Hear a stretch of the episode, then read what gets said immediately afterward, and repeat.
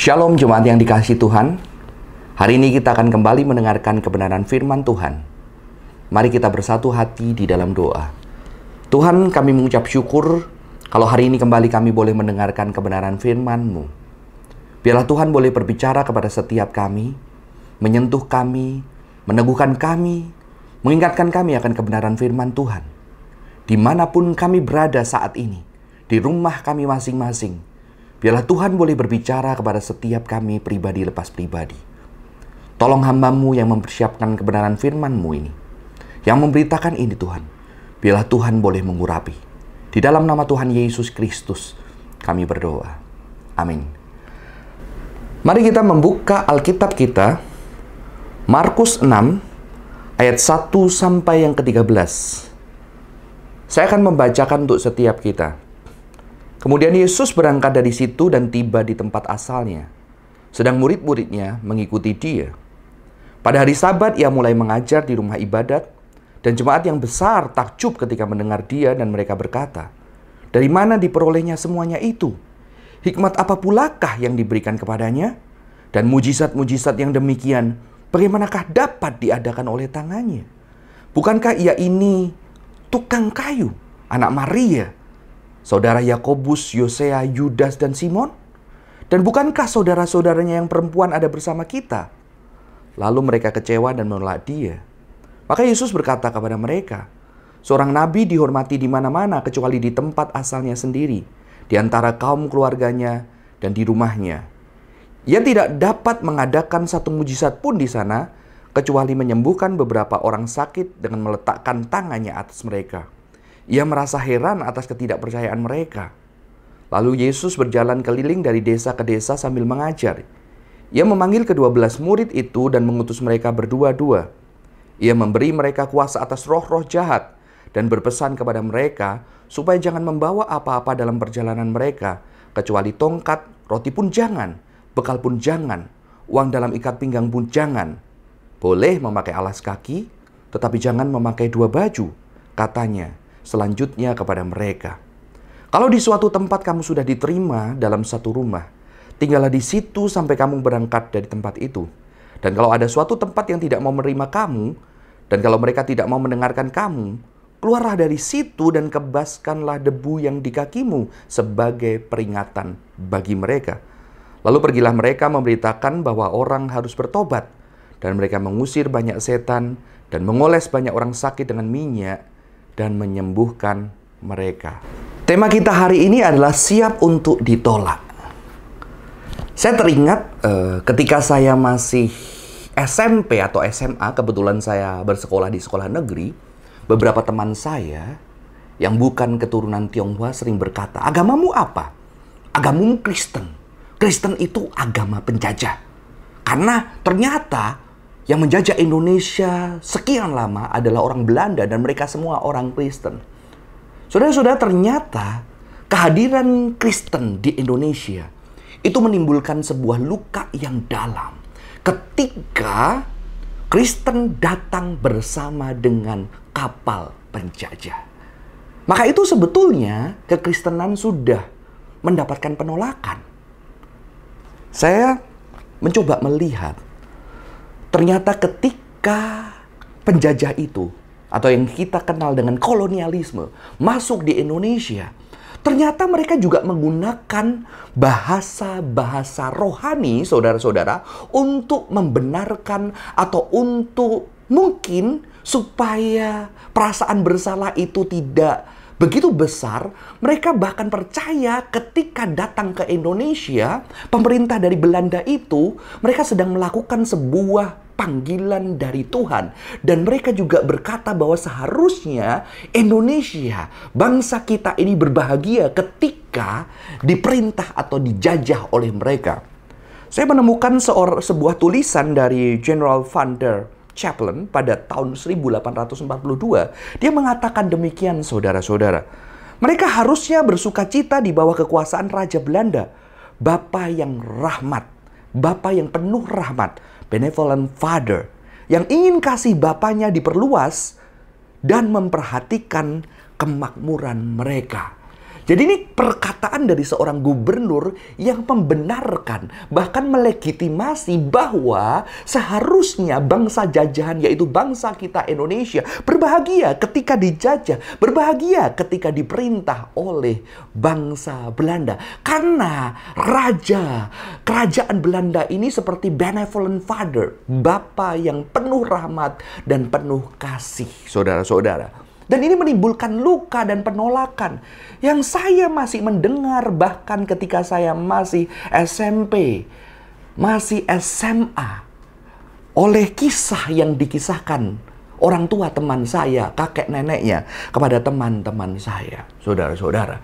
Jadi sebetulnya kekristenan sudah menghasilkan luka, bahkan mungkin di hati banyak orang di bangsa kita sudah menggoreskan luka sehingga tidak heran mereka menolaknya. Saya menemukan juga di sebuah novel karangan Pramudia Ananta Tour, ya, itu berbicara tentang seorang Belanda yang juga melihat bahwa mereka bersalah, mereka berhutang, berjasa terhadap uh, Indonesia. Di dalam novel itu dikatakan seperti ini, saudara-saudara. Tanam paksa telah menolong Netherlands dari timbunan hutan set, hutang setelah perang berlarut di Eropa. Hindia membiayai dengan puluhan jiwa petani yang tewas karena tanam paksa itu. Tanpa itu mungkin Netherlands sudah tersapu dari muka bumi. Kita berhutang pada Hindia sedalam-dalamnya sebagai Eropa, sebagai Kristen. Ya. Pramudia menggambarkan orang Belanda ini memiliki empati simpati dan perasaan bersalah sebagai orang Kristen terhadap Indonesia yang ditulis di pada masa itu adalah Hindia. Jadi kekristenan sebetulnya sudah menghasilkan luka yang begitu dalam. Maka tidak heran kita mendapatkan penolakan dari banyak orang di bangsa ini. Di dalam studi postkolonialisme, jadi studi tentang negara-negara atau daerah-daerah pasca kolonial, setelah kolonial, ditemukan bahwa ternyata ketika kekristenan, kekristenan masuk bersama dengan kapal penjajah, ada spirit yang unik saudara-saudara.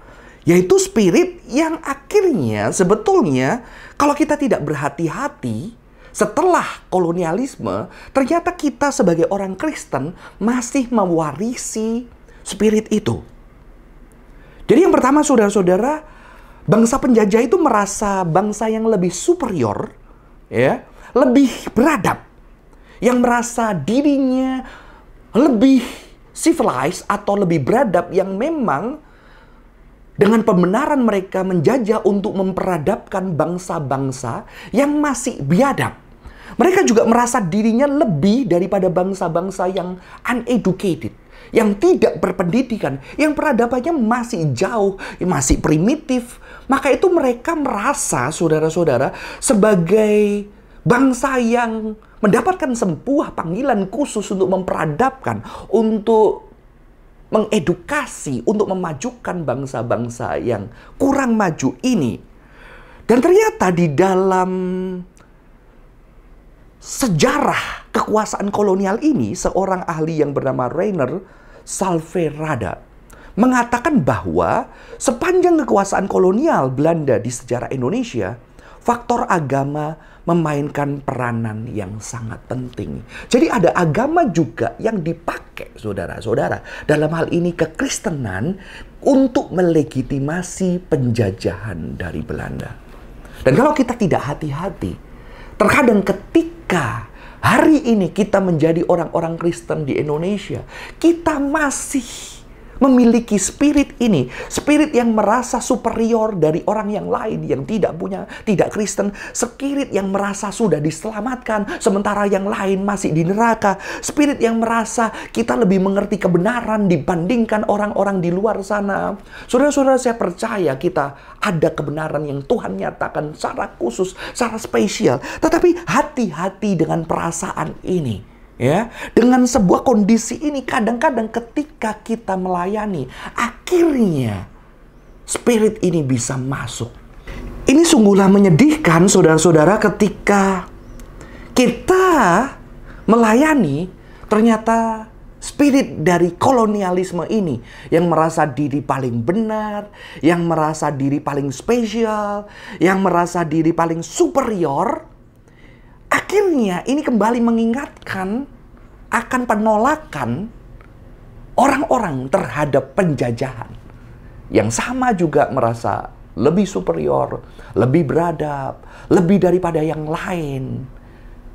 Bahkan merasa dipanggil secara khusus untuk menolong yang lain bahwa ternyatanya sejatinya sedang menjajah, sedang menguasai, sedang jahat terhadap orang lain. Jelas sekali Belanda mendapatkan penolakan dari bangsa yang dijajah. Jangan-jangan kita masih memiliki spirit ini yang merasa diri paling hebat benar sehingga kita mendapatkan penolakan. Jadi apakah judul kita hari ini siap untuk ditolak, berarti kita tetap membenarkan spirit yang merasa superior, hebat, lebih dari yang lain. Yang lain itu neraka, yang lain itu uh, jahat, yang lain itu mengerikan, yang harus kita pertobatkan, saudara-saudara. Jika demikian, tidak heran banyak orang Kristen mengalami penolakan Apakah pemberitaan Injil dijalankan dengan spirit kolonialisme ini, saudara-saudara? Spirit superioritas. Jika kita tidak berhati-hati dan kita membaca Markus 6 ayat 11 tadi yang berbunyi demikian, kalau ada suatu tempat yang tidak mau menerima kamu dan kalau mereka tidak mau mendengarkan kamu, keluarlah dari situ dan kebaskanlah debu di kakimu sebagai peringatan bagi mereka. Kita gampang sekali mengatakan, ya udah kalau nggak mau percaya kebaskan debu di kaki kita, maka nanti akan ada penghakiman Tuhan di tempat itu. Siapa siapa suruh mereka tidak mau percaya? Hati-hati saudara-saudara kita juga bisa membaca ayat ini sehingga ketika kita mengabarkan kabar baik itu ada spirit superioritas yang merasa diri hebat, kuat dan lebih daripada yang lain. Padahal kalau kita lihat di dalam Alkitab kesaksian yang diminta Yesus untuk diberitakan ketika murid-murid memberitakan pertobatan di sekeliling mereka dikatakan bahwa mereka hanya boleh membawa tongkat dan alas kaki saja dan tidak bahkan tidak boleh double bajunya. Mengapa? Kalau double itu mereka bisa lebih hangat di dalam kondisi yang ketika malam itu kadang-kadang sangat dingin. Ini melambangkan apa? Melambangkan bahwa pemberitaan Injil tidak disemangati dengan spirit superioritas, tetapi justru dengan spirit kelemahan ketidakberdayaan, kebergantungan kepada anugerah pemeliharaan Allah, dan juga hospitality dari sesamanya. Ya, hospitality dari sesama manusia. Jadi ada kenyataan penolakan di dalam pemberitaan Injil. Tetapi penolakan itu bukan karena kita superior, tetapi penolakan itu memang selalu ada. Pemberita-pemberita Injil, murid-murid Yesus adalah witness in witness. Saksi-saksi yang di dalam kelemahan. Jadi saksi-saksi Kristus dinyatakan ketika dia meminta murid-murid mengabarkan pertobatan dengan spirit vulnerability, kelemahan, ketidakberdayaan, kebergantungan kepada anugerah pemeliharaan Allah, dan kerelaan untuk disambut dan mendapatkan hospitality dari orang-orang pada masa itu. Nanti kita akan membahas lebih dalam tentang hospitality. Jadi kesaksian di dalam Kekristenan adalah kesaksian di dalam kelemahan. Maka tidak heran saudara-saudara, justru kadang orang tidak mau yang lemah ketika kita di kala pandemik ini. Kita pengen Tuhan yang kuat, kita pengen Tuhan yang bisa menolong setiap permasalahan kita. Kita pengen Tuhan yang bisa melakukan setiap mujizat. Kita pengen COVID ini segala berhenti. Sehingga segala kehidupan kita bisa segera selesai. Maka tidak heran kita bertanya, Tuhan di mana di dalam kondisi ini? Dan hal ini juga seperti dialami orang-orang di sekitar Yesus ketika Yesus sedang menyaksikan Bapa. Mereka tidak bisa menerima Yesus karena Yesus tidak seperti di gambaran mereka, saudara-saudara. Dikatakan bukankah Yesus anak seorang tukang kayu? Dia adalah anak Maria. Mengapa hanya disebutkan Maria di sini? Barangkali ini karena rumor isu kelahiran Yesus yang di mana Maria sebelum menikah sudah mengandung ada tafsiran juga yang mengatakan barangkali Yusuf sudah tidak ada. Tetapi ketika hanya disebutkan Maria, ini sesuatu yang tidak lazim. Mereka juga melihat Yesus. Yesus tidak menempuh pendidikan yang formal. Dia tidak sekolah rabi. Jadi Yesus sama dengan mereka. Dan Yesus ternyata ketika hidup, dia membutuhkan hospitality. Membutuhkan keramah tamahan untuk disambut kita tahu di banyak ayat Alkitab dikatakan anak manusia tidak memiliki tempat untuk meletakkan kepalanya. Matius 8 ayat 20 mengatakan, Serigala mempunyai liang dan burung mempunyai sarang, tetapi anak manusia tidak mempunyai tempat untuk meletakkan kepalanya. Jadi kesaksian atau saksi-saksi Kristus, bahkan Kristus sendiri adalah para saksi di dalam kelemahan. Karena di dalam kelemahan, di dalam kerapuhan itu, anugerah pemeliharaan Allah dinantikan dan menjadi nyata. Dan di dalam kelemahan, ada kemungkinan hospitality diberikan. Apa itu hospitality? Di dalam bahasa Yunani, hospitality adalah philoxenia. Philo itu love, cinta. Senos itu strangers atau orang asing. Jadi pada masa Alkitab, orang yang saleh adalah orang yang mempraktekkan hospitality. Banyak contoh di dalam Alkitab. Praktek hospitality ini merupakan praktek kesalehan yang mana seseorang merespon kebutuhan orang asing akan tempat berteduh dan perlindungan.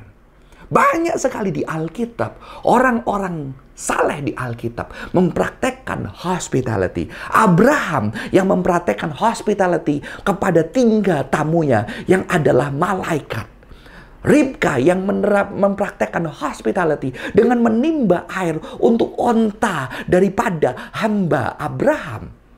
Banyak sekali hospitality. Yesus juga menceritakan tentang seorang Samaria yang rela menolong orang Samaria, bukan orang Yahudi, yang justru menolong orang asing yang sedang menderita kesulitan, saudara-saudara. Jadi praktek kesalehan adalah hospitality. Hospitality adalah praktek kesalehan. Dan ternyata pengabaran Injil membutuhkan hospitality. Maka itu murid tidak boleh membawa apa-apa, ya. Hanya boleh membawa tongkat, sandal saja, satu satu jubah saja. Di mana ketika dia datang kepada kot di suatu kota, dia mengharapkan dia hanya mendapat hidup melanjutkan perjalanannya ketika ada rumah yang bisa memberi mereka makan, minum, tumpangan. Sebetulnya kata hospital itu juga dari Filosenia. Hospital dulu di samping gereja. Yang mana banyak orang yang sakit, yang tidak bisa makan, yang kesulitan, itu boleh disambut dan dilayani. Jadi hospitality adalah praktek kesalehan yang sudah hilang di dalam gereja. Ternyata ketika mengabarkan Injil, murid-murid harus memposisikan dirinya sebagai seorang asing, strangers yang lemah, yang membutuhkan tumpangan. Bahkan Yesus sendiri ketika datang ke dunia ini, sebagai orang yang lemah, sebagai bayi yang rapuh, yang membutuhkan sambutan, yang tidak ada sambutan, dan hanya sebuah kandang yang bisa menerima Kristus.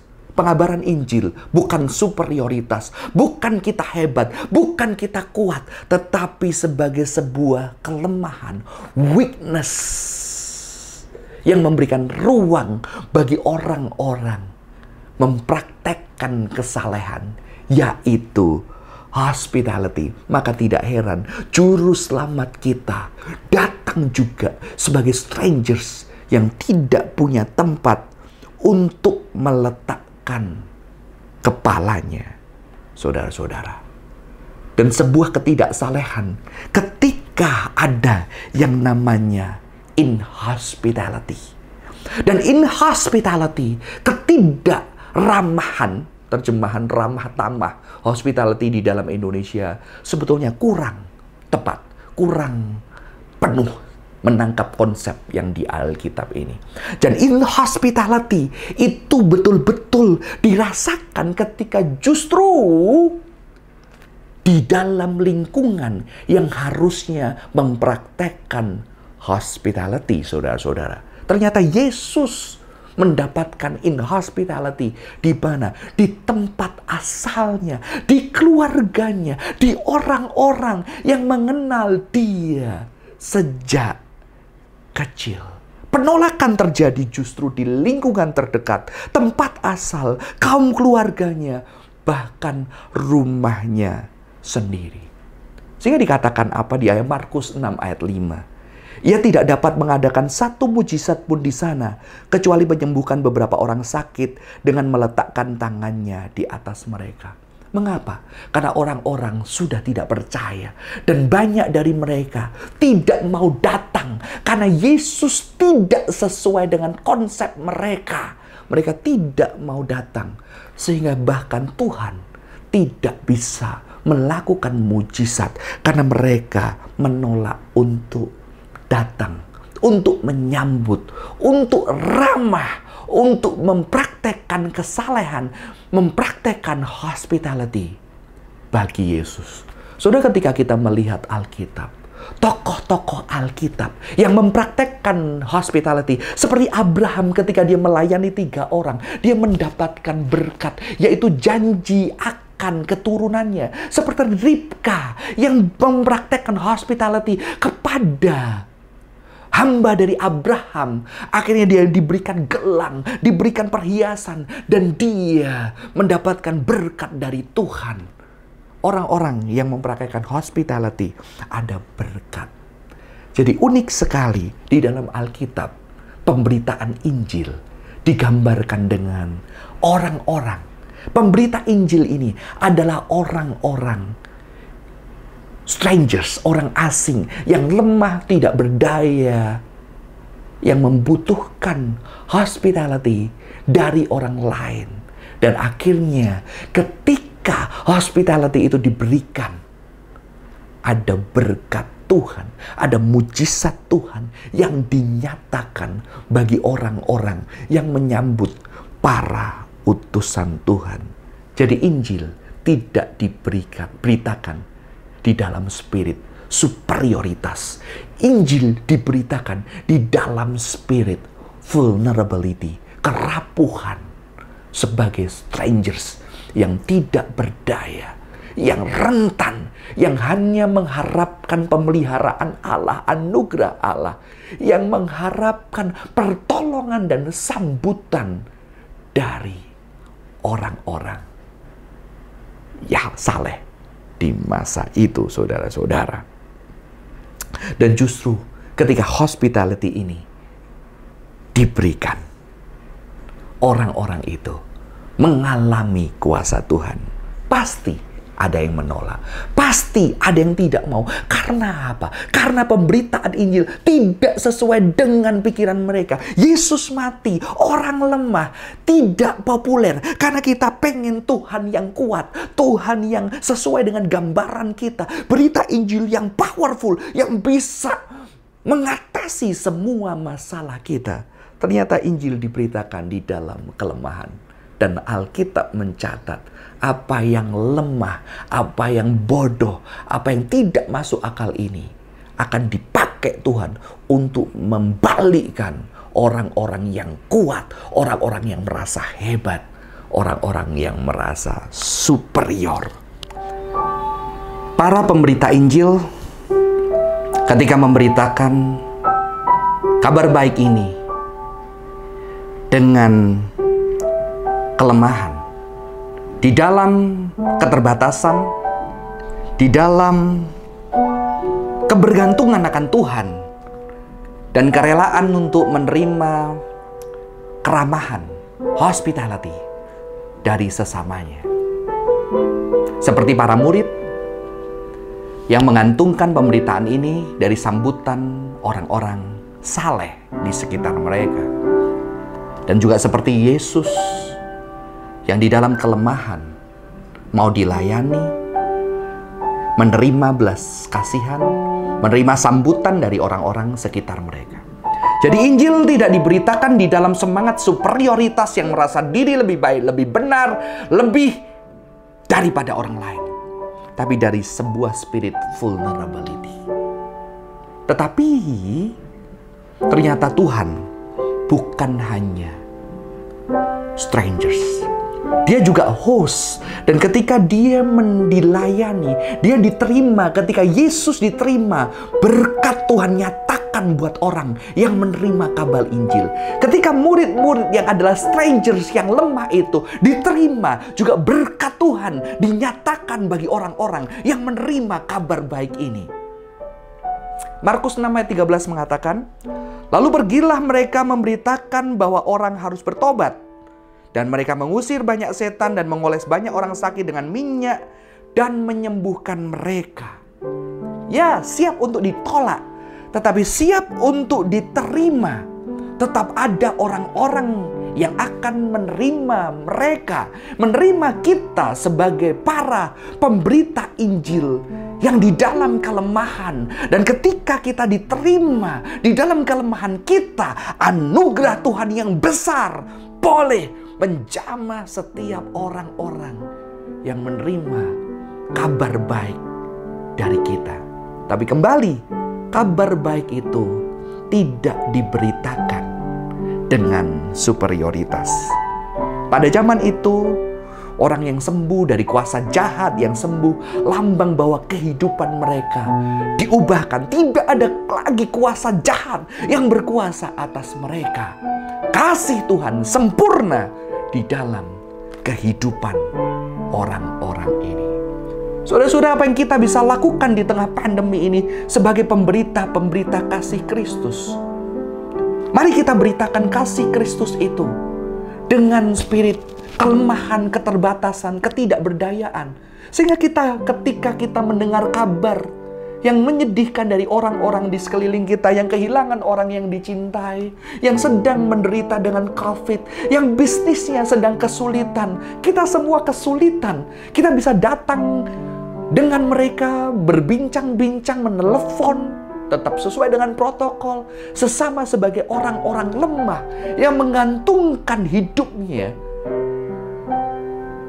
dari pemeliharaan kasih Allah dari kemurahan kasih Allah.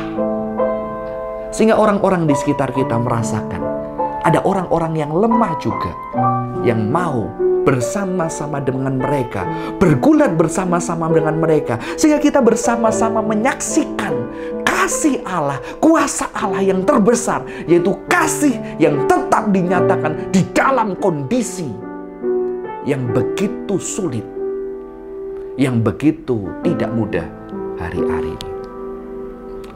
Selamat menjadi pemberita Injil. Siap untuk ditolak, tetapi siap untuk diterima. Dan biarlah kuasa Allah, perubahan Allah, kasih Allah bisa dinyatakan melalui kehadiran kita, orang-orang yang lemah, seperti Kristus yang juga lemah. Mari kita bersatu hati di dalam doa. Dan kita juga berdoa syafaat untuk bangsa kita, untuk gereja, untuk setiap kita. Boleh Tuhan pakai di masa-masa yang sulit ini. Tuhan kami mengucap syukur ternyata Injil diberitakan bukan dengan kekuatan, bukan dengan superioritas. Injil yang kuat ini diberitakan justru dengan kelemahan, dengan kerapuhan, dengan keterbatasan, di mana di dalam keterbatasan anugerah Tuhan begitu sempurna. Di dalam keterbatasan, kami memberikan diri kami disambut oleh orang-orang yang kami layani, dan kami juga ketika melayani, kami dilayani. Tuhan kami berdoa untuk kondisi bangsa Indonesia yang sulit ini. Banyak orang-orang kesulitan, banyak orang-orang menderita. Kiranya Tuhan berbelas kasihan buat bangsa kami. Dan kami juga berdoa gereja, di mana pun gereja berada, anak-anak Tuhan di dalam setiap komunitas mereka, di tempat kerja, di keluarga, di pertemanan, di dalam tempat tinggal mereka, anak-anak Tuhan boleh hadir. Bukan sebagai orang yang superior, yang merasa diri paling hebat paling kuat, paling berkuasa, tetapi sama-sama sebagai orang lemah yang mau disambut, yang mau didengarkan, dan juga mendengarkan. Dan kembali ketika kami disambut, anugerah Tuhan, kasih Tuhan bisa hadir melalui kehidupan orang-orang. Karena kami adalah tubuh Kristus yang membutuhkan hospitality. Dan ternyata ketika kami mendapatkan hospitality, ada berkat yang Tuhan nyatakan buat orang-orang itu. Kami berdoa untuk pemerintah Indonesia di masa-masa pandemi yang sulit ini. Tuhan tolong berikan hikmat buat masyarakat supaya bisa saling menjaga, punya bijaksana Tuhan. Buat gereja-gereja, Tuhan pakai secara organisasi juga untuk tetap bersumbang sih bagi bangsa ini, buat jemaat-jemaat yang di dalam kondisi yang sangat berat, ketika tidak ada seorang pun yang hadir, biarlah Tuhan boleh hadir di dalam kehidupan mereka. Roh Kudus menguatkan dan meneguhkan mereka. Buat kami semua, Tuhan, biarlah kami menjadi pemberita-pemberita Injil di dalam kelemahan kami. Kuasa Tuhan sempurna dinyatakan. Terima kasih Tuhan, terima kasih di dalam nama Tuhan Yesus Kristus. Kami bersyukur dan berdoa. Amin. Tuhan Yesus memberkati.